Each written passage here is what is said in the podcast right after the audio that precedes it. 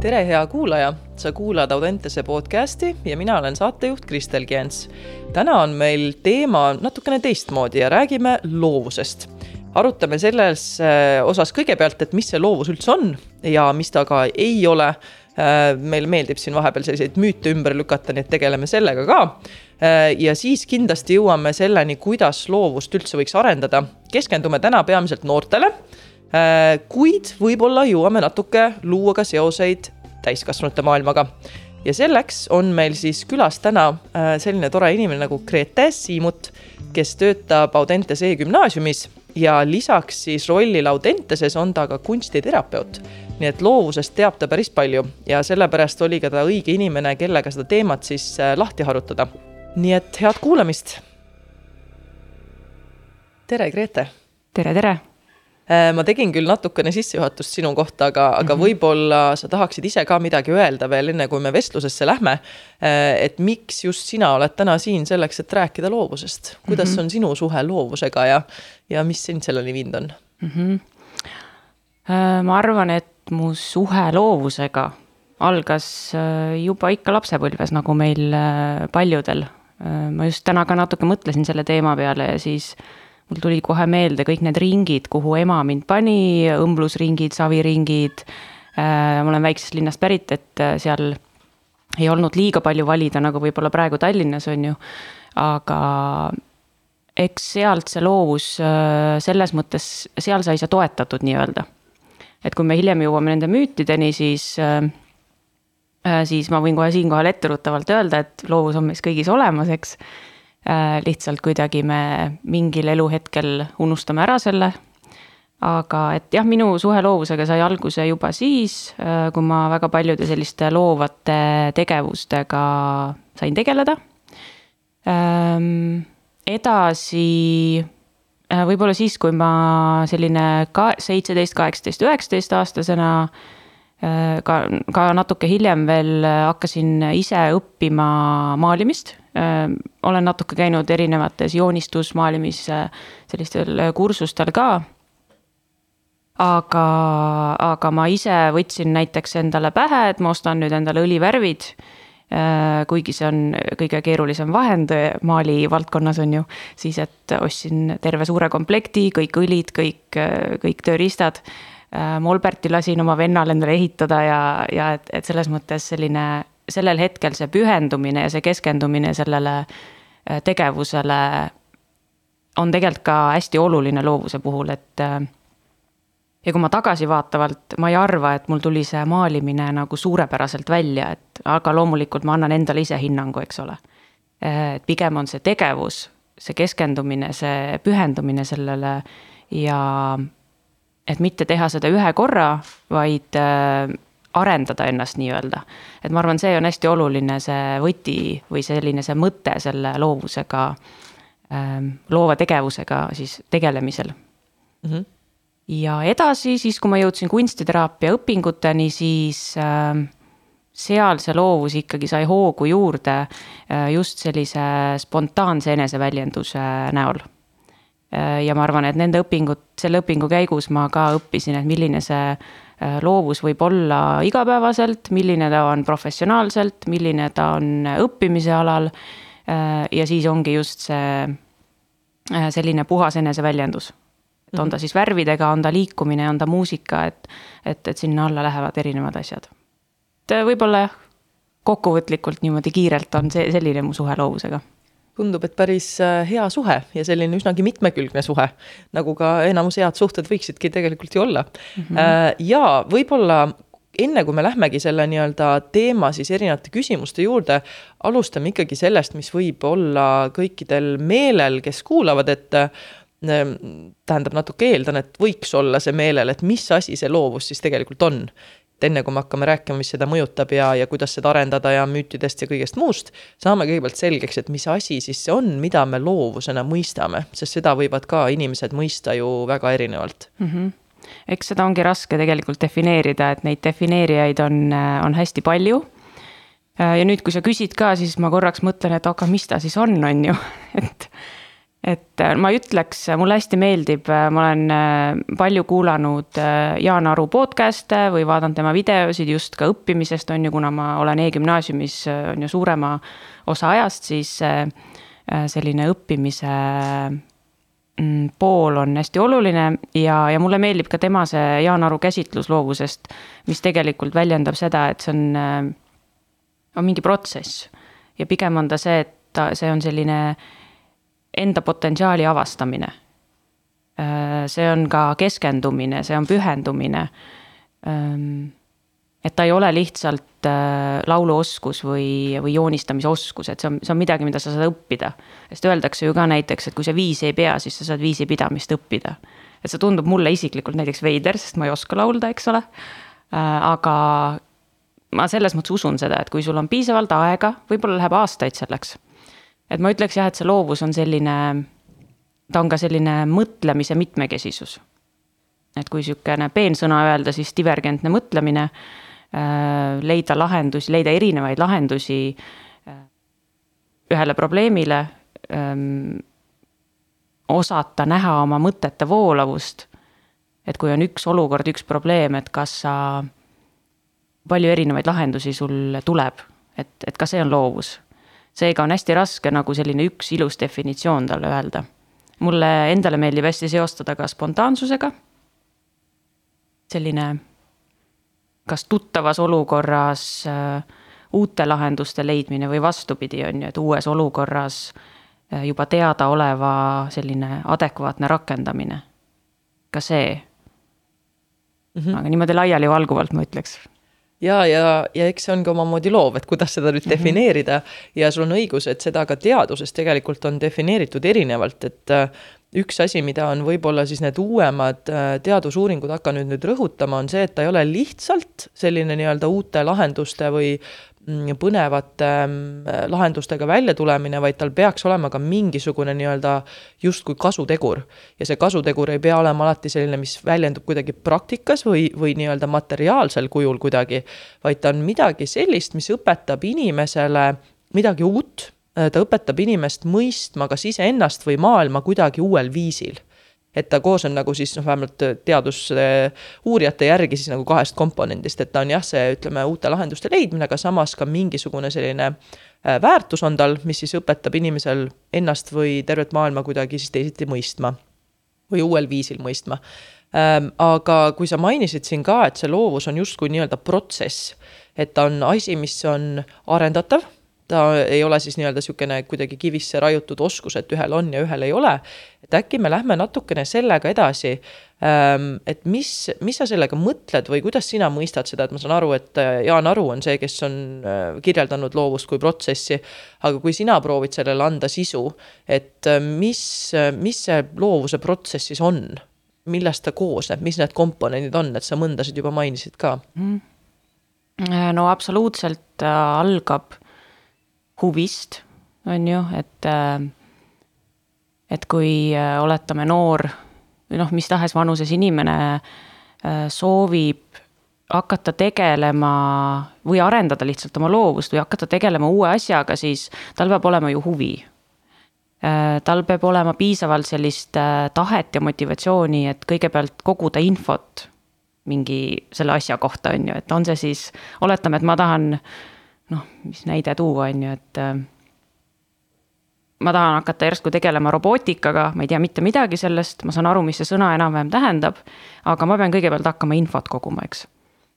Ähm, ja siis need sellised, äh, need info, mis mul on olemas, siis ma pean hakkama mõtlema, et, et kuidas seda salvestada, kuidas juba sellise baashariduse põhjal, kuidas ma saan hakata tegema seoseid kuidas mina mõistan seda, kuidas ma enda jaoks tõlgendan seda, mis ma olen teada saanud. et ta on selline jah, ütleme info kogumine, mis tundub hästi kuiv tegelikult välja öeldes, aga see kindlasti, see on väga oluline osa.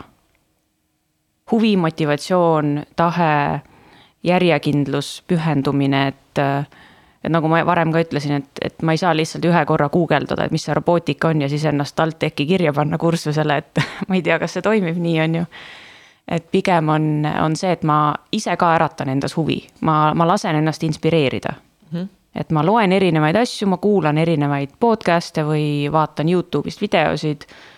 leian mõne doki äkki, võib-olla uurin noortelt inimestelt, kes on lapsest saati käinud robootikaringis. et ja kas see siis ka tundub mulle veel midagi, mida ma teha võiks Ehm, ja samas on ka hästi oluline ju info see, kui ma vastan endale ei. ma nii-öelda nagu noh, mitte ei kuku läbi, aga ma võib-olla ebaõnnestun selle ideega. siis võib-olla see annab mulle jällegi sellise loova ähm,, sihukese mõttevälgatuse või sellise inspiratsiooni, et oh, ma lähen sellest kuidagi edasi, võib-olla ma selle kaudu jõuan mingi muu huvitava äh, asjani, millega ma tahan tegeleda mm. -hmm see on tegelikult väga huvitav mõte, mis sa praegu tõid välja, et äh, sellel protsessil iseenesest on väärtus. et see, mis mhm. see lõpptoodang justkui on, et see, äh, see ei olegi võib-olla noh, nii tähtis, muidugi tore on ikka, kui tuleb midagi sihukest uut välja, millest on siis mingisugune praktiline kasu ka. aga just see, et see protsess sinna asjani jõuda on igal juhul kasulik et sa mhm. saad ju mingisuguseid nii-öelda süsteemseid teadmisi juurde ja kui see idee ei olnud see, mis justkui rakendus, siis sa tegelikult oled loonud päris hea baasi selleks, et äh, järgmist uut ideed hakata siis ähm, mingi info, info pealt nagu paremini arendama. sest sa oled mm -hmm. ju mhm. info mõttes nagu palju rikkamaks saanud, kui sa enne olid, et äh, see on tegelikult päris kihvt asi selle protsessi juures, et mm -hmm. loovus ei ole lihtsalt see toodang, mis tuleb lõpuks välja mm.. ja mulle tundub, et, et see on ka üks selline müüt, et äh, inimene tavaliselt arvab, et äh, et kui vaadata nagu see, see on, on olemas, on ju neli tüüpi loovust, äh, et on miniloovus ehk õpiloovus, siis oli argiloovus, professionaalne loovus või ehk erialaloovus ja siis on see väljapaistev loovus. et me tahame hüpata nendest neljast kohe üle sinna väljapaistva loovuseni, ehk see tähendab seda, et, et ähm, ma täna mõtlen, et ma tahan hakata skulptoriks ja homme ma olen teinud äh, sellise skulptuuri, mis saab rahvusvahelist tunnustust, on ju. et me tahame nagu kohe hüpata selleni äh, või nagu siin noh, tuntud heliloojad, kes võib-olla aastakümneid äh, nii-öelda nikerdavad seda heliteost. ja saavad selle siis valmis aastakümnete pärast on ju, või postuumselt, eks et me ei taha nagu neid väikseid samme käia, ehk me ei taha kogeda seda protsessi, me tahame kohe tulemuseni jõuda, see ja see on mõneti nagu normaalne, eks et ma olen mõnikord ise samasugune, et ma näiteks saan uue asja, ma ei viitsi seda juhendit lugeda. et ma tahan nagu, tahan lihtsalt vaadata seda sinna peale ja, ja, ja see nagu kokku panna või panna see tööle, on ju. ja siis ma ebaõnnestun, siis ma saan aru, et okei okay,, võib-olla on seda juhendit ikka vaja ka natuke lugeda, eks sellega ma lihtsalt naeran, sest mul tuleb, see on küll täiesti side note, aga ma pean selle lihtsalt jagama. see täpselt sellesama asjaga, ma mõtlesingi, et ilmselgelt siin tuleb tegelikult üks oluline õppemoment ka, miks ma seda lugu tegelikult jagan äh,. loovuse nii-öelda mm, baaseelduste kohta, kuidas saab loov olla. et see on minu arust hea näide, et kui sa juhendit lahti ei võta, siis tegelikult sul pole algteadmisi võib-olla selles valdkonnas, et olla loov, et ise välja mõelda see asi. sest üks loovuse põhikomponente, sa võid selle ümber lükata, nii palju, kui ma äh, taustauuringut tegin tänaseks, on see, et sul peab olema baas nii-öelda teadmiste hulk piisavalt suur, et sa saaksid loovaid lahendusi leida mm. -hmm. see ei ole niisugune asi, mis tuleb justkui õhust. nii, ühesõnaga eellugu ja siis äh, eile oli mul mõte, et nii, nüüd tuleb endale ratas äh, panna tööle. Lähen siis alla garaaži ja võtan ratta välja ja, ja siis äh, noh, mul oli ostetud ka eelmisel aastal ju rattapump. selge, nii puhastasin ratta ära ja vaatasin siis, et hm, nii, kuidas ma selle pumbaga nüüd siis seda ratast pumpama hakkan ja mõtlesin, no see on ju täiesti, siin on kaks mingisugust ava, on ju, paneme need asjad kokku, proovime. aga siis oli igasuguseid vahejupikesi, üks, mis käis ülesse ja teine käis alla. siis oli see, et kuidas ma nüüd, millal ma mida teen ja mõtlesin, ma hakkan lihtsalt proovima. ja mis ma siis lõpuks tegin, oli see, et äh, proovimisega läks mul seesama rattakumm, mis mul enne oli natuke tühi, täiesti tühjaks siis mul oli natuke frustreerunud seal ja mida siis ikka iga tänapäeva tark inimene teeb, pöördub äh, doktor Youtube'i poole panin siis enda selle rattapumba info sisse ja et äh, kuidas see asi siis käib. ja siis ma sain tegelikult aru, et ahah, ma olengi teinud asju natukene valesti, vaatasin need asjad ära ja siis õnnestus küll seda teha. nii et äh, see on lihtsalt sihuke hea näide sellest, et ei tasu proovida olla nagu kohe loov äh, asjade lahendamisel või uute lahenduste leidmisel, kui tegelikult info puudub mm. -hmm see lihtsalt tuli mul kohe meelde sellesama asjaga. aga tulles tagasi nagu seal nende nelja tüübi juurde, et kuna me räägime loovusest praegu, üritame mõista, mis see justkui mm -hmm. loovus on. Äh, et mis need neli tüüpi on, et kui sa lihtsalt lühidalt võib-olla natukene kirjeldad neid, äh, et inimestel tekiks arusaam, et kui sa millalgi näiteks hiljem ka mainid neid, mis need neli tüüpi olid, et mis neid iseloomustab mm? -hmm. nii, kõigepealt oli miniloovus.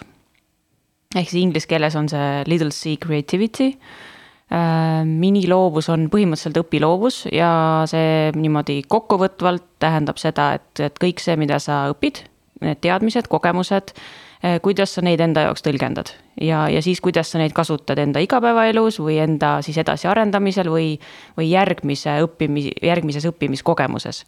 ehk siis nii-öelda see ongi see baasi ülesehitamine. et noh, näiteks kui sa kirjutada ei oska, siis sa luuletust kirjutada ei saa tulevikus, eks ole, et, et sa nagu, see on nagu sihuke trepp, mida sa ikkagi ehitad, on ju. See on ju huvitav, miks ta mini on? kuigi tegelikult on nagu ja, suur asi. mulle tundub, et ta on nagu sihuke selline hästi suur asi, et mida oleks nagu. no vot, eks ta tegelikult nagu võib-olla ongi vastupidiselt, on ju see baas. aga millegipärast äh, seda nimetatakse ikkagi, et ta on äh, nagu mini, on ju. see on väga huvitav mm -hmm. okei äh,. siis. nii et see on äh, siis see teadmiste baasi loomine et sul oleks võimalik mingis valdkonnas minna siis järgmise loovuse sammu põhimõtteliselt jah, et, et just see, et kuidas sa oma õpitut kasutad, eks sinna alla läheb ka see, et kuidas sa õpid aga et see algab jah sellest, et mis sa teada saad ja mis sa selle teadmisega peale hakkad mm. -hmm. ja kindlasti tuleme, ma panen endale selle märkme kirja, et ma ära ei unusta. kui unustan, siis sa saad ise selle juurde tagasi tulla, et me räägime, kuidas seda siis päriselt nii-öelda arendada endas ka, sest et see miniloovus tundub ikka väga oluline asi mm -hmm.. okei okay,, nii, lähme järgmise juurde. siis on argiloovus see on minu isiklik lemmik, et kuidas iga inimene, kes arvab, et ta ei ole absoluutselt loov inimene, äh, saab kasutada loovust väikestest tegevustest äh, ja kui sul see baas on olemas, mida sa oled õppinud siin näiteks terve gümnaasiumi aja äh, ja ka ülikoolis, sa kogu aeg nagu ehitad seda teadmist, siis noh, sul otseselt, sa ei kasuta nagu seda ülikoolis õpitut oma argipäevas, aga argipäevas sa saad tegelikult enda heaolu toetada. Seal ongi läbi loovate tegevuste, läbi loovate tegevuste proovi ilma retseptita süüa teha Ähm, jaluta teistsugune tee koju, äh, kui sa teed sporti, mine uude kohta. kui sa oled harjunud näiteks äh, linnas jooksma, mine jookse metsas. proovi uut hobi, on ju, et mine püüa kala, kui sa pole seda kunagi püüdnud ja see tundub sulle super igav. mine just nimme proovi seda, on ju, et vaata, analüüsi ennast, mis su peas toimub, äh, mis su mõtted seal on mida sa avastad, et sellised väiksed tegevused, väiksed uudsed tegevused igapäevas ja mis selle peamine roll on, et kui me saime aru, et see miniloovus on selleks, et ehitada sihukest üldist baasi mm, -hmm. millest teised loovused saavad justkui nagu kasvada. et siis see tundub ka sihukene asi, et ja ühe müüdi sa juba lükkasid ümber, et see loovus ei ole sihuke asi, mida mõnel on ja teisel pole, eks mm. -hmm. et äh, mis selle kasutegur on peamiselt? Eks ta selline ongi isikliku heaolu toetamine, oma vaimse tervise toetamine, hoid- äh,, hoida ennast aktiivsena. et kui me oleme tegevuses, siis meie loovus aktiveerub, me saame ainult nii teda üles soojendada. Kui me oleme passiivsed, vaatame telekat või scroll ime oma nutitelefoni liiga palju, on ju, et siis me oleme passiivsed. et, et hoida ennast tegevuses, et me tuleksime natuke rohkem peast ära ja me saaksime nagu oma, oma kehaga midagi teha. ja oma teisi meeli ka kasutada mm. -hmm ja see on äh, teema, millest ma arvan, võiks täitsa eraldi rääkida, et, äh, et miks oleks kasulik tulla vahepeal oma peast ära, aga mm -hmm. jätame selle mõneks teiseks korraks. hästi raske on peast ära tulla, eks. absoluutselt ja, ja loovatesse tegevustesse justkui süvenemine teeb selle arvatavasti ka lihtsamaks. et siis sul on mingi tegevus, millele tähelepanu juhtida ja siis mm -hmm. ei mahu sinna tähelepanu sisse mõned muud asjad samal ajal mm. -hmm okei okay,, ja nii, ja nüüd on kaks tüüpi nii, veel jäänud. kolmas oli meil see erialaloovus noh, see ongi tegelikult selline professionaalne loovus, kuidas sa tööalaselt oma, kui sa oled spetsialist, sa oled õppinud spetsialistiks, jällegi võib-olla sa lähed korra tagasi sinna õpiloovusesse. Ehm, et sa õpid midagi spetsiifilist, on ju, lõpuks ülikoolis, äh, võib-olla ka selliste teistsuguse, teistsugusemate töökogemuste käigus sa võtad selle väikse pagasi kokku ja sa viid selle siis sinna äh, oma professionaalsesse töövaldkonda ja siis ongi, kuidas sa seal nagu orienteerud sellega, et, et kuidas sa oma tööd näiteks saad efektiivsemaks muuta, kuidas sa oma teadmisi saad kasutada uutes tööolukordades, et äh, pigem selline. ja noh, siin äh, ei ole vist vaja võib-olla väga pikalt peatuda, aga küsin selle ilmselge küsimuse ikkagi, miks oleks vaja enda töövaldkonnas olla loov? no et ennetada läbipõlemist, ennetada stressi äh, vahepeal rutiini tuua väikest muutust, et rutiin on hea, aga et aeg-ajalt on meil vaja ennast nagu äh, distantseeruda, et näha natuke laiemat pilti, anda võib-olla uus perspektiiv, eneseareng, eneseteostus töökohal, eks ole, et seal on palju palju asju, aga noh, kindlasti see töökoha vaimse tervise hoidmine, iseenda vaimse tervise hoidmine siis töökohal, et. Et kindlasti see ja ma arvan, et äh, isegi kui su töö muutub üksluiseks, siis selle tööalase loovusega äh, saab seda teha jälle natuke huvitavamaks, et sa oskad näha erinevaid külgi. Äh, seal on kindlasti vaja julgust ka loomulikult, et ja oleneb töökeskkonnast ja seal on hästi palju nüansse, on ju ja läbi selle samas saab siis toetada ka oma motivatsiooni, et siis, kui sa lood mingeid uusi lahendusi või proovid midagi uut välja mõelda, siis see jällegi tekitab inimeses sellise loomuliku heaolutunde mm. -hmm. sest äh, ja see jällegi omakorra siis äh, toetab motivatsiooni, et me tahame seda äh, uuesti kogeda mm. -hmm. et selles suhtes ka see loov mõtlemine või ja loovate lahenduste leidmine võib aidata sellele kaasa veel mm. -hmm. Mm -hmm. ja stressi aitab ka maandada, on ju, et kui me suudame töökeskkonnas mingile stressorile või probleemile leida erinevaid äh, lahendusi nii-öelda, siis äh, me võib-olla ei näe seda stressorit enam nii suurena, ta hakkab järjest väiksemaks muutuma, sest meil on erinevaid variante, mis me selles olukorras teha saame ja, ja see noh, teoreetiliselt läheb jälle väga hästi kokku, sest, sest noh, väga palju ju nii-öelda organisatsioonide vaimse tervise valdkonnas rõhutatakse seda, kui oluline on see inimeste enda autonoomia oma töös. ja see on ka võib-olla siis mingil määral selline justkui nagu loovuse väljendusvõimalus, et kui inimene saab ise luua oma töös mingisuguseid äh, uusi ülesandeid või teha mingeid asju teisiti versus see, et ma teen täpselt nii, nagu mulle on ette nähtud ja ma teen täpselt samamoodi, nagu ma olen alati teinud. et siis ime pole, et inimene lõpuks äh, natukene kustub selle töö juures mm, -hmm. et selles suhtes toetab jälle seda autonoomiat ka, mis on jälle inimese selline loomulik, äh, loomulik vajadus. okei okay, äh,, lähme selle neljanda tüübi juurde mm. -hmm. nii, see oli väljapaistev loovus, mis ma juba ütlesin ka, et siis, kui järsku midagi suursugust saab valmis äh, ja sellest saavad kasu teised ehk siis see on selline ühiskondlikul tasandil mm,. ongi heliteos, tähtis skulptuur, sellised jah, täpselt sellised asjad, mille kohta inimene ütleb, et oi-oi-oi, mina küll sellist ei suuda luua. ma ei ole loov, sest tema tegi selle asja, mis nüüd on kuskil, kuskil linnaväljakul või äh, on saanud miljon kuulamist Spotify's või no mis iganes, et, et see suur asi nii-öelda ja see siin äh, võib-olla oli peidus üks müüt, ma korraks kontrollin, kas see on müüt või mitte, et äh, sellised suured teosed, väljapaistvad äh, loovuse väljendused tulevad justkui õhust ja üleöö mm. -hmm, just, see on müüt jah. et see ei, sa ei saa sellega vastu pead nii-öelda järsku, on ju ähm, siin on ju paljud heliloojad kindlasti head näited, kes töötavad oma heliteoste kallal tõesti aastakümneid mõnikord ja neil ei ole, neil on alati see miski puudu seal, et et või ka kirjanikud või ongi nagu need nii-öelda jutumärkides päris loovinimesed, on ju. Ähm, et jah, ütleme nii, et ja, ja seal taga see tavainimene ei näe seda protsessi, et seal on ikka valu ja pisaraid ja läbikukkumisi ja siis jälle laineharjal olemist, et see käib hästi nagu selliste äh, üles-alla see ei ole nagu selline lineaarne protsess, et hakkan tegema ja teen, nokitsen vaikselt äh, kümme aastat ja oi, ongi valmis, et. et eks see suur looming tuleb läbi sellise isikliku äh, eneseavastuse, oma emotsioonide sinna sisse panemise. et sa saad enda kohta hästi palju teada ja koged just nagu oma meeltega kõik, kõiki ebaõnnestumisi ja kordaminekuid seal, et mm see on väga huvitav, ma ei tea, mulle need neli tüüpi kõik meeldivad, ma võtaks natukene mm -hmm. kõigist. eks midagi. nad on omavahel seoses ka, on ju, et, et äh, sa ei saa ala, hakata oma tööl äh, olema väga loov, kui sa ei ole argiselt loov. ja kui sa ei ole äh, tegelenud oma õpiloovusega, sa ei ole nagu olnud kohal seal õppimisel, eks, et sa oled lihtsalt olnud seal tunnis ja paar lehekülge sirvinud, pärast sul ei ole midagi meeles, et et kui sa ei tee nagu nagu sellise täieliku kohaloluga neid asju, et ega siis järsku see suursugune või väljapaistev loovus või see tööloovus ka ei tule hästi välja, et. et see on ikkagi jälle, selles mõttes ongi nagu see esimene mm, õpiloovus, et ta on ühtäkki see on nagu, see miniloovus jah, ta on nagu Sama. mini, on ju, aga samas ta on hästi suur mm. -hmm. et kui sa mõtled, sa lähed nagu kogu aeg selleni tagasi, et tegelikult on see väike alge, mis peab olema olemas, aga samas on ta hästi suur. Ja äh, kui, kui nüüd mõeldagi siit edasi, et äh, me teame, et need neli tüüpi on ja neid on kõiki võimalik siis ka kasvatada ja kõike on võimalik praktiliste sammude läbi arendada, siis tahaks kindlasti sinna jõuda, et kuidas me seda nüüd siis saame toetada ja kuidas me seda teha saame. aga äh, räägime natukene enne sellest ka, et ähm, mis rolli mängib loovus äh, hariduses et kui suure osakaaluga see seal on ja milline selle loovuse justkui roll hariduses on?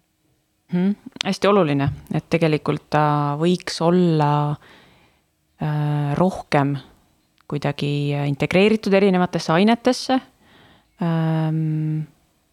ma ei ole kindel, äkki nüüd uutel riigigümnaasiumitel äh, on neid selliseid ennastjuhtivaid loovaid aineid juba rohkem valikainete näol ja see valikuvabadus ka kindlasti, et, et seal on nagu sa saad paljude hulgast valida, seega see õpilane saab äh, leida oma seda potentsiaali ja unikaalsust läbi erinevate valikute. aga ta on absoluutselt hästi oluline, et ühest küljest ongi see, et me saame teadmised, aga teisest küljest siis äh, kuidas me, et, et kas meid õpetatakse piisavalt loovalt mõtlema. et just see loov mõtlemine, mulle tundub, et mõnikord seda jääb natuke väheseks Äh, et seetõttu jällegi ma jõuan selle enda erialani tagasi, kunstiteraapia, kus ma küll mm, tegelen väiksemate lastega, aga ma enamasti alati äh, ütlen neile, et äh, alguses räägime, kuidas neil läheb, kuidas on läinud, mis mureks ja nii edasi, mured ja rõõmud on ju. ja ma küsin, mis ta täna teha tahab. tavaliselt nad ei tea. mõnikord neil on kohe idee olemas ka, et kui nad juba käivad korduvalt, on ju. aga nad ütlevad, ma ei tea, ma ütlen okei okay,, aga vaata siin laua peal on materjalid, tee midagi. ja siis vaatame, mis välja tuleb. Äh, ja siis ka, et, et ma hästi tahan suunata seda sellist, äh, neid vabu assotsiatsioone, et neil tekiksid mingid seosed peas mingite vahenditega ja nad ei pea tegema nagu pintsliga maalima värvi paberile, vaid sellepärast mul näiteks ongi ka pahtlilabides seal. Nad mõnikord küsivad, aga mis ma sellega teen, ütlesin, aga mis sa sellega teha tahad et äh, ja ta võib sellega teha mida iganes, värvi paberile kanda või ma ei tea, paberit hakkida või jumal teab, mis ta tahab, on ju. et see, et tal tekiks üldsegi see, see ülessoojenemine seal loovusel, et, et ta mõtleb lihtsalt midagi välja ja me vaatame pärast, mis välja tuli. ja me paneme pärast sellele asjale nime, et tegelikult võiks olla sellist protsessi tavahariduses ka rohkem.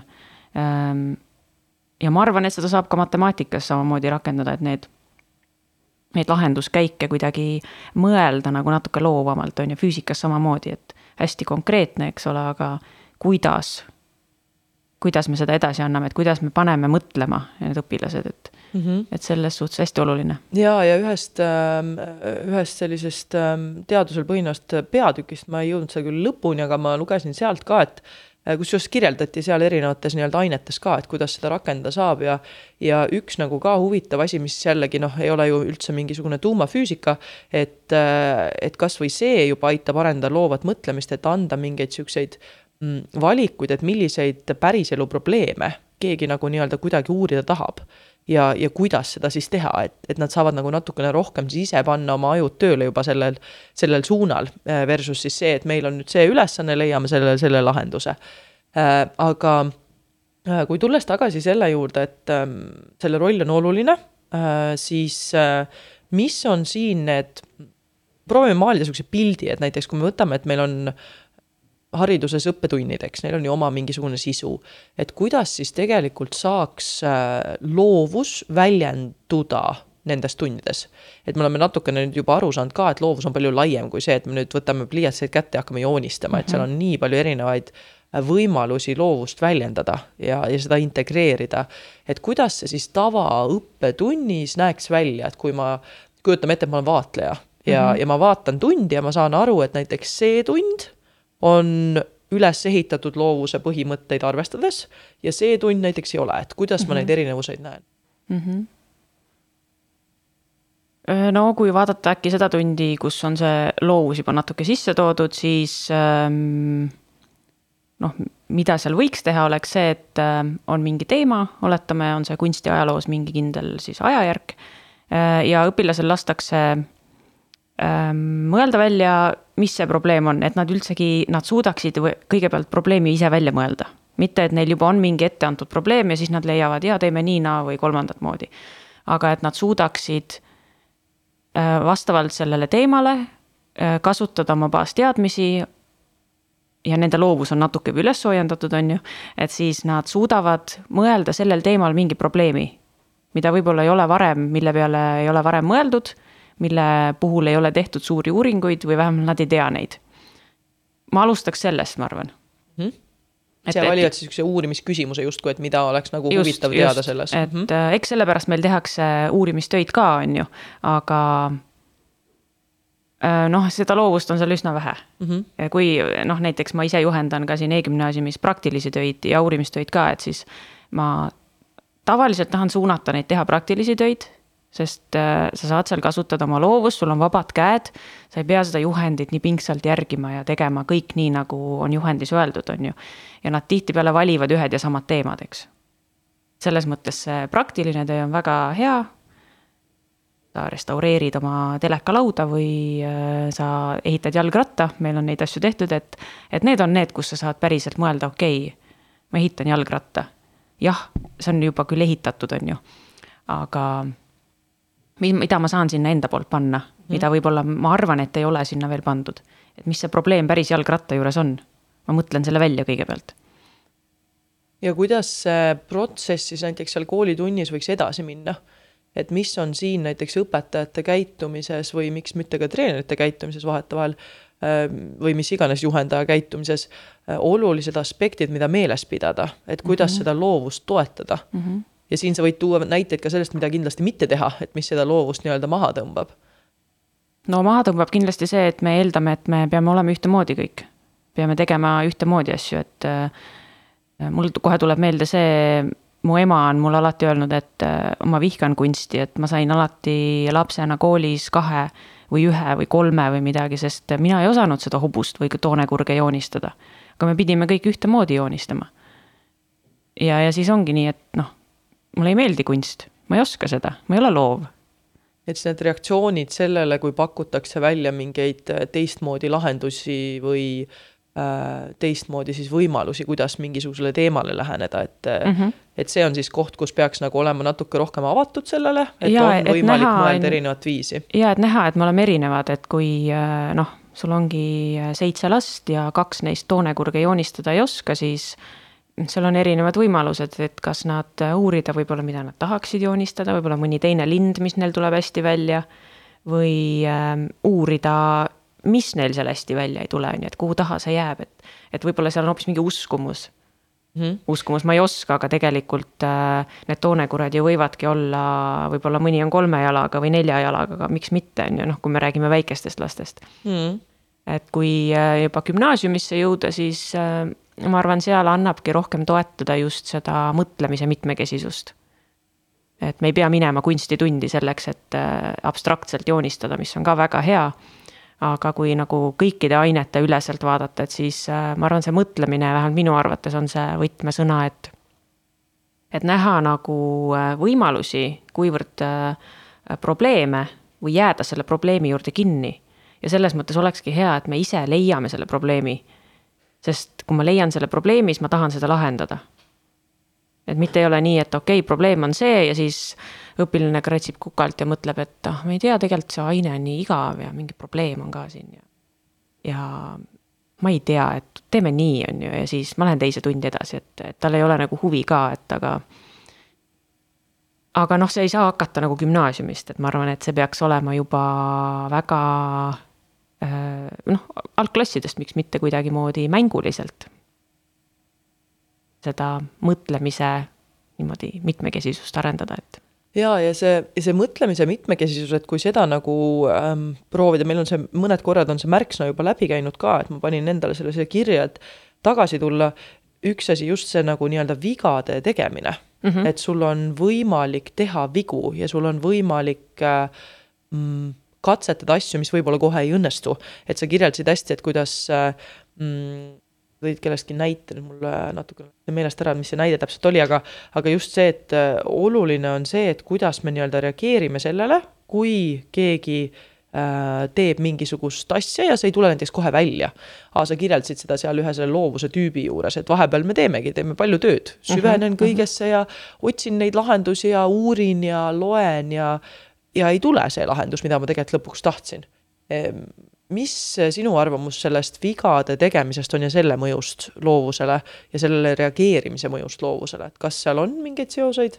kindlasti, eks see selline ebaõnnestumine on ju suurepärane abimees nii-öelda. et me ei, tavaliselt me ei jõua sellele järgmisele leveli, levelile, et kui me ei ole ebaõnnestunud.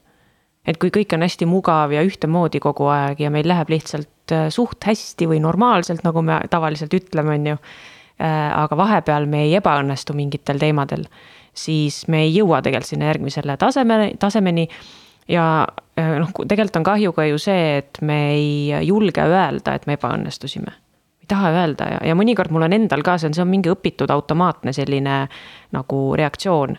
et kui mul läheb midagi kehvasti, siis ma mõtlen, oi, ma ei ütle kellelegi. ja siis noh, teine mõte on see, oota, aga stopp et just peab ütlema, et mõtle, mis ma õppisin sellest, kui mul ebaõnnestub mingi asi mm.. või kui ma ei ole, et, et me alati seame endale mingid need normid, et me tahame kellegi moodi olla.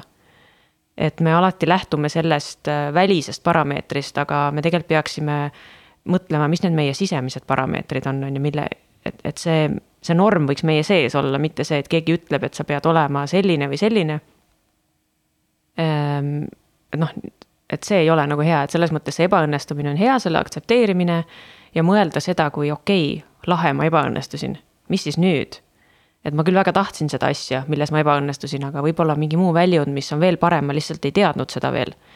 et see on ka, see on hästi oluline loovuse puhul ka, et sa julged olla ähm, mitte nii hea mingis asjas ja see võib viia sind kuhugi, et sa tuled ka sellel hetkel oma peast ära, sest me alati kujutame endale ette mingeid asju või noh, näiteks ma kujutan ette, et ma saan suurepäraseks lauljaks.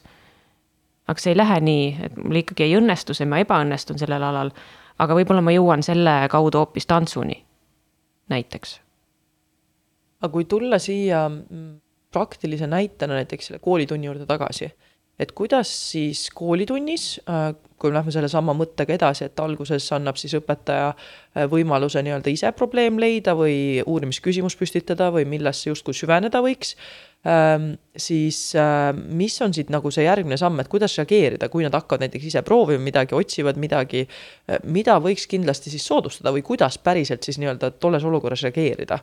selleks, et seda teooriat, mis sa just kirjeldasid mm -hmm. nii-öelda praktikasse panna, et kuidas see välja näeb jälle, et kui me näeme näiteks ühte õpetaja käitumist ja teist õpetaja käitumist mm. -hmm. ja selle idee ei ole nüüd midagi kritiseerida mm, -hmm. vaid lihtsalt, et oleks inimesel, kes kuulab, saaks nagu praktiliselt aru, et ahah, okei okay,, tundub loogiline, aga kuidas ma seda siis teen, kui mm -hmm. ma mhm. ise tean näiteks õpetajana, et jaa, ma tahan toetada seda, et nad oleksid loovamad ise mida ta siis näiteks teha saab nendes mm -hmm. olukordades, näiteks võtame sedasama näite, kus ta teeb, keegi teeb vea. noh mm -hmm., pakub mingeid lahendusi, aga ei toimi või mis teha saaks mm? -hmm. no õpetaja võiks kõigepealt enda need äh, arvamused ja normid ja hinnangud on ju need, mis tal on isiklikud, et, et see rolli, rolli teema on ju, et see, see, kui ta on, on näiteks äh, Tiina või kes iganes, siis Tiina jätab oma isiklikud asjad äh, koju ja ta on õpetaja, seega ta on avatud, ta on julgustav ähm, jah, ta nagu toetab kõikide õpilaste eneseväljendust, äh, ütlemata, kas see on õige või vale, et see lihtsalt on see ei, mingi asi ei pea olema õige või vale, et ta nagu ongi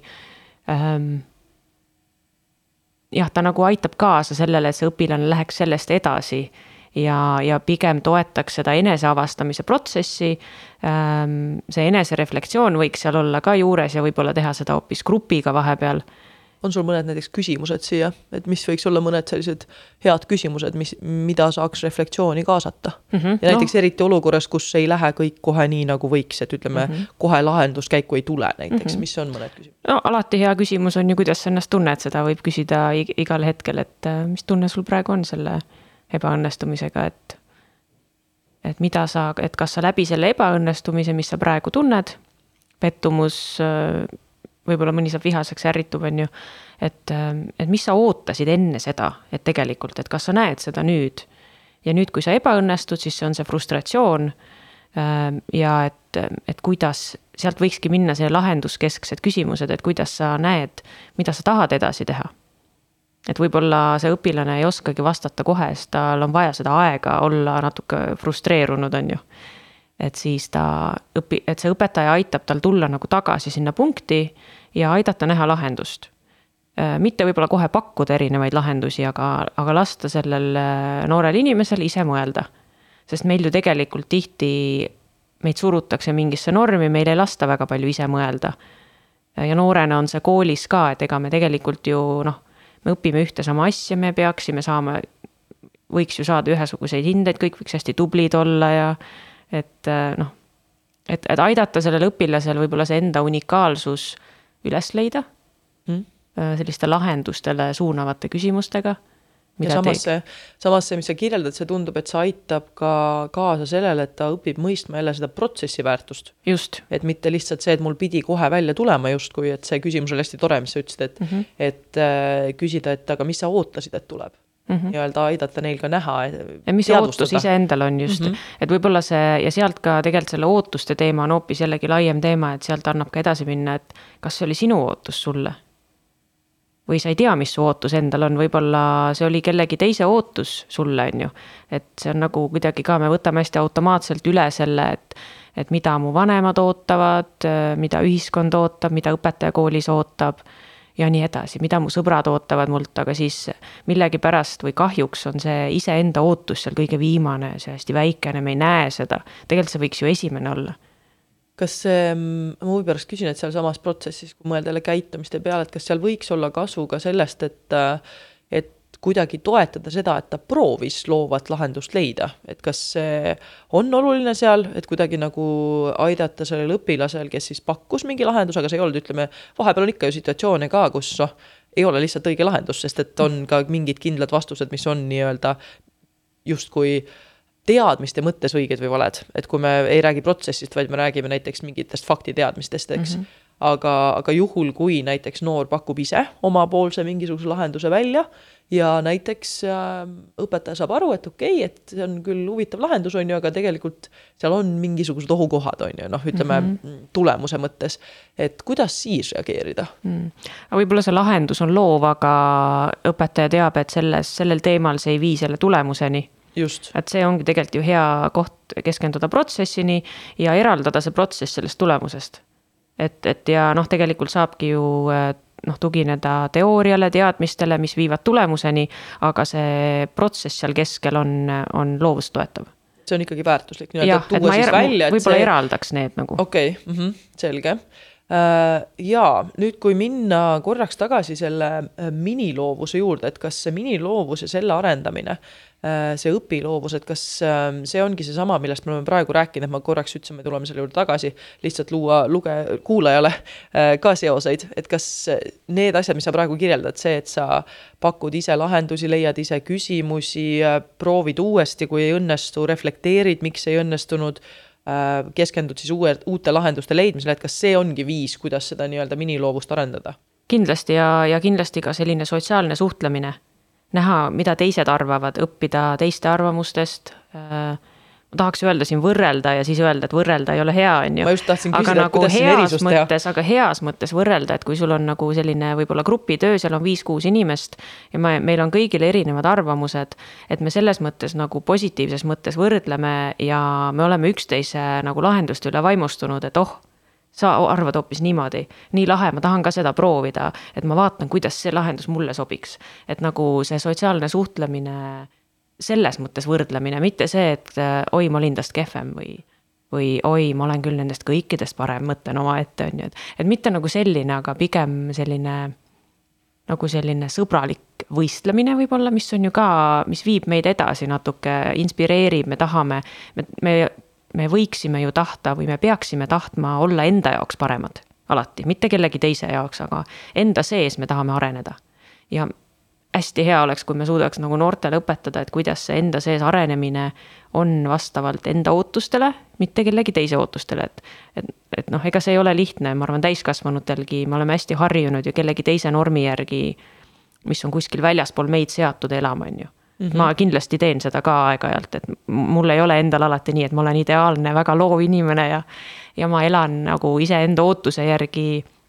et kindlasti noh, me elame tänapäeva maailmas, me ei saa eitada seda, et et kui noh, sulle öeldakse, et norm on see, siis sa seda täidad, siis absoluutselt ma teen samamoodi tihti mm. -hmm ja see võib olla ka huvitav selline noh, teoreetiline jällegi seos, et miks näiteks äh, lastel on nii lihtne olla loov ja proovida mm -hmm. erinevaid lahendusi ja katsetada ja olla niisugune justkui nagu uudishimulik teadlane kogu aeg mm. -hmm. sest äh, see nii-öelda teadlikkus norm, normidest ja sellest, mida justkui oodatakse või eeldatakse, et see on veel võrdlemisi selline ähm, hägune mm -hmm. ja võib-olla ega päris väiksed lapsed selle peale üldse ju ei mõtle.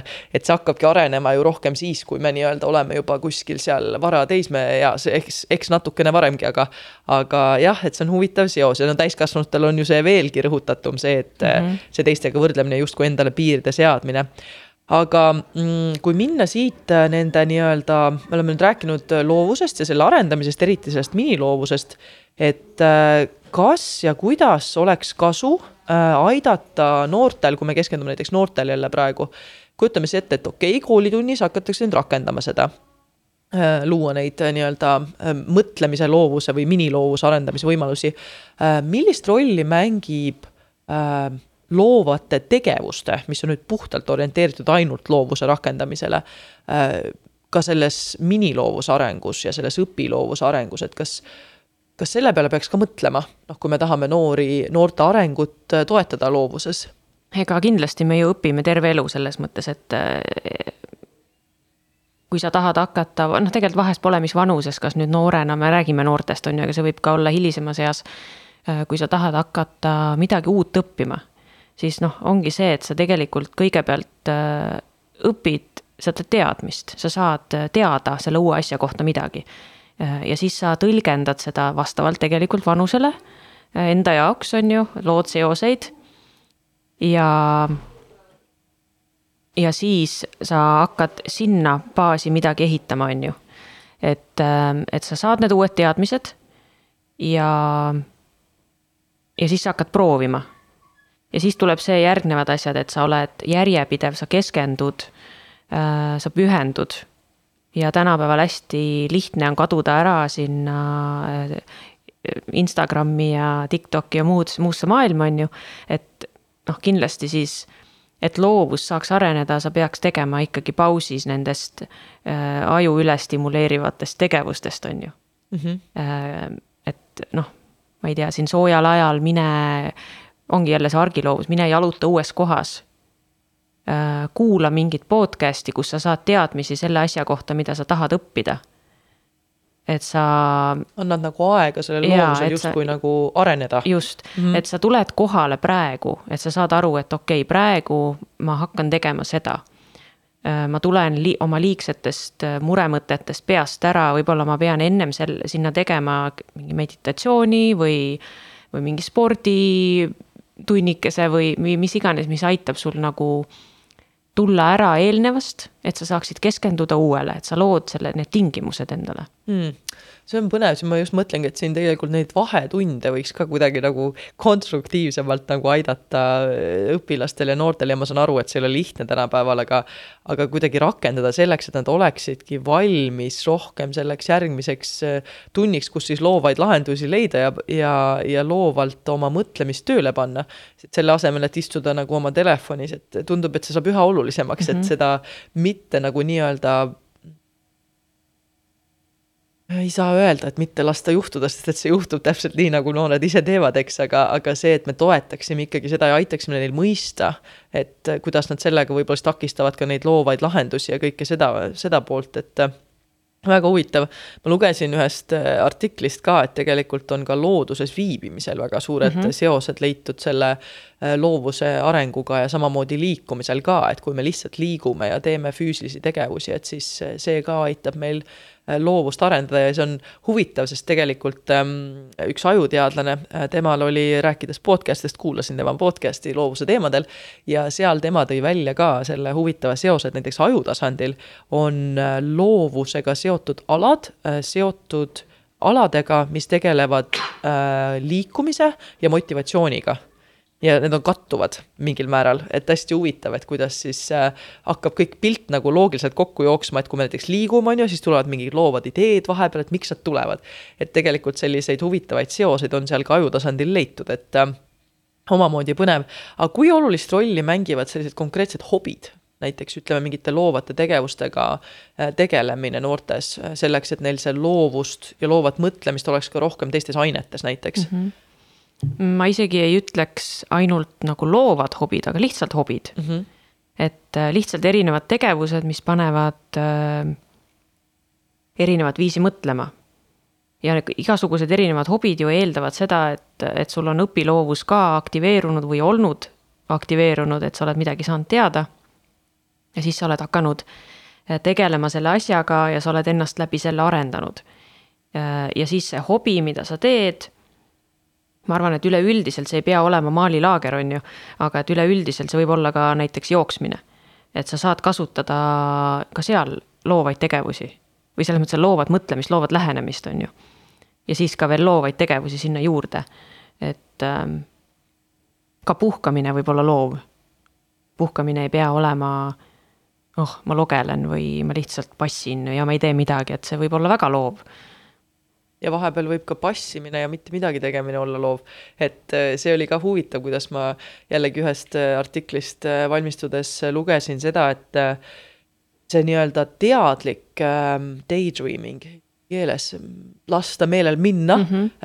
aga sellele, et tal on mingi kindel suund, see võib ka tegelikult loovust arendada mm -hmm. ja mhm. arengut toetada. Et kui sa mitte lihtsalt ei lase oma mõtetel minna, vaid sa valid mingisuguse justkui suuna ja siis selle suunal lasedki oma mõtteid lendu mm, -hmm. mis iganes sul nagu pähe tuleb.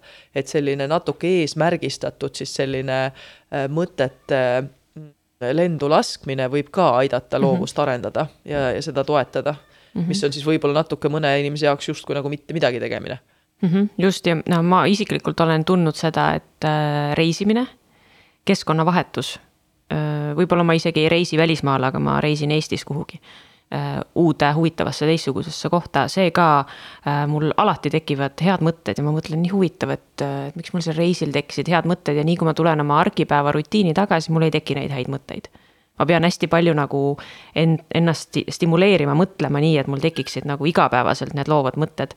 aga nii kui ma olen võetud oma tavakeskkonnast ära pandud kuhugi muude, uude kohta, siis äh, tekivad igasugused mõtted ja ideed, et see on ka hästi lahe, et ma ei tea, kas see toimib kõikidel nii. aga tõenäoliselt noh, oleneb, mis sa teed, on ju, et, et see on põnev jah ja,, et kuidagi. huvitav see on väga huvitav. neid teemasid on ju palju, mis on huvitavad, aga lihtsalt äh, peame hakkama vaikselt otsi kokku tõmbama, et kui proovida nüüd maalida siia lõppu äh, selline mm, pilt justkui sellisest loovuse kasvatamise ja arendamise ja nüüd tuleb siin see paradoks äh, rutiinist Äh, milline see umbes võiks välja näha, et kui jällegi, äh, kas meid kuulab keegi noor või keegi, kes töötab noortega või ka ma arvan, et täiskasvanutel noortel tegelikult siin võivad olla üsnagi sarnased sellised äh, mm, tegevused mm. -hmm. milline võiks olla näiteks, et inimene tahabki, okei okay,, väga tore, huvitav, mind kõnetas, ma tahan loovust kuidagi nüüd hakata endas arendama mingite väikeste rutiinidega milline võiks see olla, et ta ei läheks jälle sinna, teades harjumuste kujundamise psühholoogiat ja inimeste motivatsioonipsühholoogiat, siis ei tahaks nagu seda ka, et vot nii, nüüd ma võtan selle endale saavutuse eesmärgiks ja nüüd ma teen kolm tundi ma tegelen oma loovuse arendamisega kohe, et mm -hmm. lihtsalt pisikesed sellised justkui viisid või ampsukesed mm. -hmm. milline see pilt võiks olla sellest rutiinist mm -hmm.? Noh, see rutiin kõigepealt on seal tegelikult ju hästi oluline, kui sul ei teki mingi uue tegevuse ka seoses sellist harjumust või rutiini, siis noh, nagu me ennem rääkisime, siis äh, selle väljapaistva loovuseni sa ei jõua kindlasti, on ju. et, et see on selline pikem protsess. et sa nii-öelda nagu ikkagi ehitad midagi valmis, kui sa kujutad ette, kui keegi ehitab üksi maja, siis on väga, mõnes mõttes väga rutiinne, väga struktureeritud protsess, aga sa saad kasutada seal loovust, äh, kuidas, millal mingit lahendust kasutada ja teha ja kui sul on mingid vahendid, siis vaadata, kuidas neid kasutada, et. et see ei pea olema nagu noh, selline hästi laialivalguv, et. et loovus ei tähenda seda, et, et sul on pott värvi ja siis sa loobid vastu seina selle ja siis vaatad, mis välja tuli, et. noh, see on ka, aga see on juba ekstreemne, on ju, et sa, sul on vaja sellist eneseväljendust. aga mis veel? Ma arvan, hästi oluline on enda jaoks püüda olla veidi spontaansem ja tunda ära enda jaoks need väiksed eduelamused. et kui sa midagi väikest saavutad oma protsessis, et sa oled rahul selle üle ja sa näed, et sa arened edasi teadlik protsess jällegi. et see eneseteadlikkus. nagu midagi uut proovisid või tegid. just, et mm -hmm. isegi kui see on nagu ütleme, et sa teed pikka aega, sa vaatad mingeid videosid. Ähm, et sa ka viid selle praktikasse. Äh, ja siis seal praktikas sa siis näed, kas sa, mida sa ootasid endalt, kas sa ebaõnnestud. kas sa proovid teisiti uuesti või sa proovid lihtsalt uuesti, et sa ei anna alla kohe. ja et, et näha ka neid eduelamusi, et sa tajud, äh, kuidas sa arened et kui sa õpid mingit oskust, siis et sa näeksid kasvõi neid mini-mikro saavutusi, et okei okay,, mul vist natuke tuli see paremini, on ju. Kui sa tahad õppida, nagu ma alguses rääkisin, õli, õlivärvidega maalima, äh, siis sa ei tee ainult ühte maali. vaid sa teed kas seda ühte maali korduvalt, on ju, et sa maalid üle seda, sest õlivärvid seda võimaldavad. Äh, või sa teed erinevaid maale ja sa suudad näha eelnevate ja uue vahel enda arengut. et mis seekord paremini oli võib-olla see on väike pintslitõmme ainult. aga et sa ei ole nii kinni selles, mida sa tahad valmis saada, vaid selles, et sa kogu aeg natukene arened. et ma arvan, see on ka jällegi see loov nägemine, et me saame seda loovust nagu kanda üle igasugustesse tegevustesse mm.. ja mis võiks olla mõned sellised ähm, argiloovuse, kuna sa ütlesid, et see on su lemmik, siis ma tahaks sellel lainel lõpetada äh,. millised oleksid seal sellised pisikesed väiksed asjad, mida inimesed võiksid katsetada mm? -hmm. no mul endale äh, juba aastaid on äh, kokkamine, söögi tegemine. Ja mulle ei meeldi retseptid. ma õppisin seda oma lähedastelt, oma, oma sugulaselt, kes on kirglik kokkamishuviline. aga see, et, et ühel hetkel sa saad aru, et okei okay,, et mul tuli see roog väga hästi välja. ilma, et ma vaatasin retsepti, aga ma panin mingid asjad, mis mulle tundusid kokku. et sa arendad oma maitsemeelt näiteks. et sa suudad nagu tunda neid maitseid, et mida juurde, neid nüansse, eks ole, et see on see sihukene pidev harjutamine tegelikult, et. mul ei ole olnud nii, et ma nüüd teen ühe korra ilma retseptita midagi valmis ja nii on. et ma olen ka ebaõnnestunud, on ju, et ma olen näiteks kooke ei saa ilma retseptita teha, need äh, ei tule välja lihtsalt. aga et igasugused muud asjad, on ju. aga mis veel siis äh, uued hobid, uute asjade proovimine. Et võib-olla näiteks, kui sa näed kuskil mingit kupongi, mis annab mingi soodustuse ja sa vaatad, et ah, see on kanuumatk või, või mingi, mingi rattasõit, et ah oh,, mulle ei meeldi need kumbki tegevused, aga. aga võiks vaadata sellel hetkel, et okei okay,, aga miks ma märkasin seda. et võib-olla ma võiks proovida ja võib-olla, kui sa proovid seda kanuumatka, siis võib-olla saab sinust äh, kirglik kanuumatkaja, on ju või võib-olla sa lähed veel, astud järgmise sammu ja sinust saab matkajuht, on ju. Et mingid sellised uut, võib-olla proovida uudseid tegevusi. mitte olla liiga selles raamis kinni ja tuttav, tuttavlikus kinni. Ehm, võib-olla proovida või lasta ennast minna sellistesse olukordadesse, äh, kus on vaja leida mingi väljapääs või lahendus. noh, kasvõi kasvõi see, et sa oled ummikus, sa jääd hiljaks kuhugi, mis on sulle väga oluline. Ehm, kuidas sa nüüd iseenda sees loovalt lähened sellesse, et kas sa lähed ärrit-, kas sa lähed närvi, sa ärritud? ja sa, ja sa, on ju, et see on, see on see valik, et kas sa nagu lõhud ennast natuke siit seest ja sa oledki nüüd väga närvis seal. Ehm, või sa mõtled, okei okay,, nii, nüüd juhtus sihuke asi, mis siis edasi? Ehm, mis ma saan teha edasi, et ma tunneksin ennast jälle hästi et, et ka see on tegelikult äh, võib-olla selline mõtlemise paindlikkus. On ka väga oluline. see on päris hea ülesanne, loovaid lahendusi leida olukorrale, kui sa istud äh, ummikus ja sul on kiire ja sul pole mitte midagi teha mm. -hmm. on kui end... palju erinevaid variante sa võid leida, kuidas oma aega sisustada selle ajaga no vot, on ju, et mul näiteks noh, igasugused sellised olukorrad ju ka nõuavad natuke loovat lähenemist, mul endal oli eelmine suvi, kui äh, Äh, ma jäin lennukist maha. Õnneks oli tagasi tulles, puhkuselt tagasi tulles, on ju. Et äh, ja oligi selline olukord, et äh, lennuk oli läinud, ma ei leidnud ühtegi inimest, kellelt midagi küsida. mul ei olnud mingit infot, mul ei olnud mitte midagi, selline tunne oli, nagu mu just ära läinud lendu ei oleks olnud. ja ma mõtlesin nii, okei okay,, mis siis teha hmm.. ja kui ma siis lõpuks läksin lennujaamast välja, siis ma sain teada, mis ma saan teha, eks ole. aga sellele järgnes see, et ma, et see järgmine ka tühistati ja see oli järgmine hommik juba. Ja, ja siis oli nii, et ma olin äh, selle kõnekeskusega telefoni otsas ja mulle öeldi, et aga pole ühtegi lendu. ja siis ka mu valik oli see, et kas ma lähen nüüd närvi näiteks, ma saan ikkagi pahaseks kellegi peale, kes ei ole süüdi, on ju. või ma ka suudan ise küsida, et okei okay,, aga mis mu variandid on. et kas teie suudate mulle mingeid variante pakkuda, et, et leiame koos lahenduse, eks ole. Noh, ja siis oligi see, et ma pidin sõitma rongiga, taksoga, bussiga, et jõuda hoopis teise linna ja olla veel ühe öö kuskil ja siis minna lennuki peale, on ju. noh, ja siis ma lõpuks neli päeva hiljem jõudsin koju. aga et siis ka, et kuidas sa oma mõtlemist siis ikkagi suunad, et, et et ma sellel samal hetkel nägin ka seal lennujaamas ühte väga kurjalt röökivat ameeriklast, kes oli ülivihane, sest ta jäi ka maha.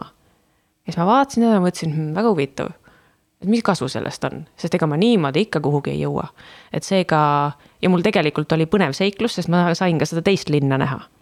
et seal olid mul kasud sees, et see, kui sa suudad oma mõtlemist hoida paindlikuna, leida uusi lahendusi ja tegelikult ka küsida abi, on ju, et, et küsida abi ja aidata koos mõelda selle peale jaa, nii et äh, nagu kuulajad on, ma arvan, selgeks saanud, on tegelikult loovus palju laiem asi ja seda on võimalik arendada nii igapäeva praktilistes olukordades, oma mõtlemise osas olla natukene loovamad ja seda natuke paindlikumaks muuta, kui ka siis igapäeva selliste väikeste uute avastustega ja avatusega erinevatele teemadele. et ähm, ma usun, et kindlasti kuulajad said siit midagi niisugust ähm, mõnusat mõtteainet, et millega siis ise hakata tegelema äh,. Nagu ikka väga loodan, et äh, te mitte ainult ei kuula, vaid hakkate midagi ka vaikselt praktikasse panema kas või üks osa nendest neljast äh, loovuse tüübist äh, võiks ju olla natukene aega tähelepanu all. Aga igal juhul aitäh sulle, Grete, et sa aitäh. tulid ja, ja rääkisid meile nendest teemadest, mis kindlasti võiks siin saada veel jätku. ja vaatame, kas meil õnnestub millalgi äkki nende juurde tagasi tulla. nii et aitäh sulle ja aitäh ka kuulajatele. Äh, kirjutage meile ikka oma mõtetest ja tagasisidest ka. Äh, ootame seda avatud meelega, nagu me täna avatusest rääkisime. Äh, kirjutage siis meile podcast.audentes.ee ja vaadake meie tegemisi audentes.ee ja järgmiste kuulamisteni thank you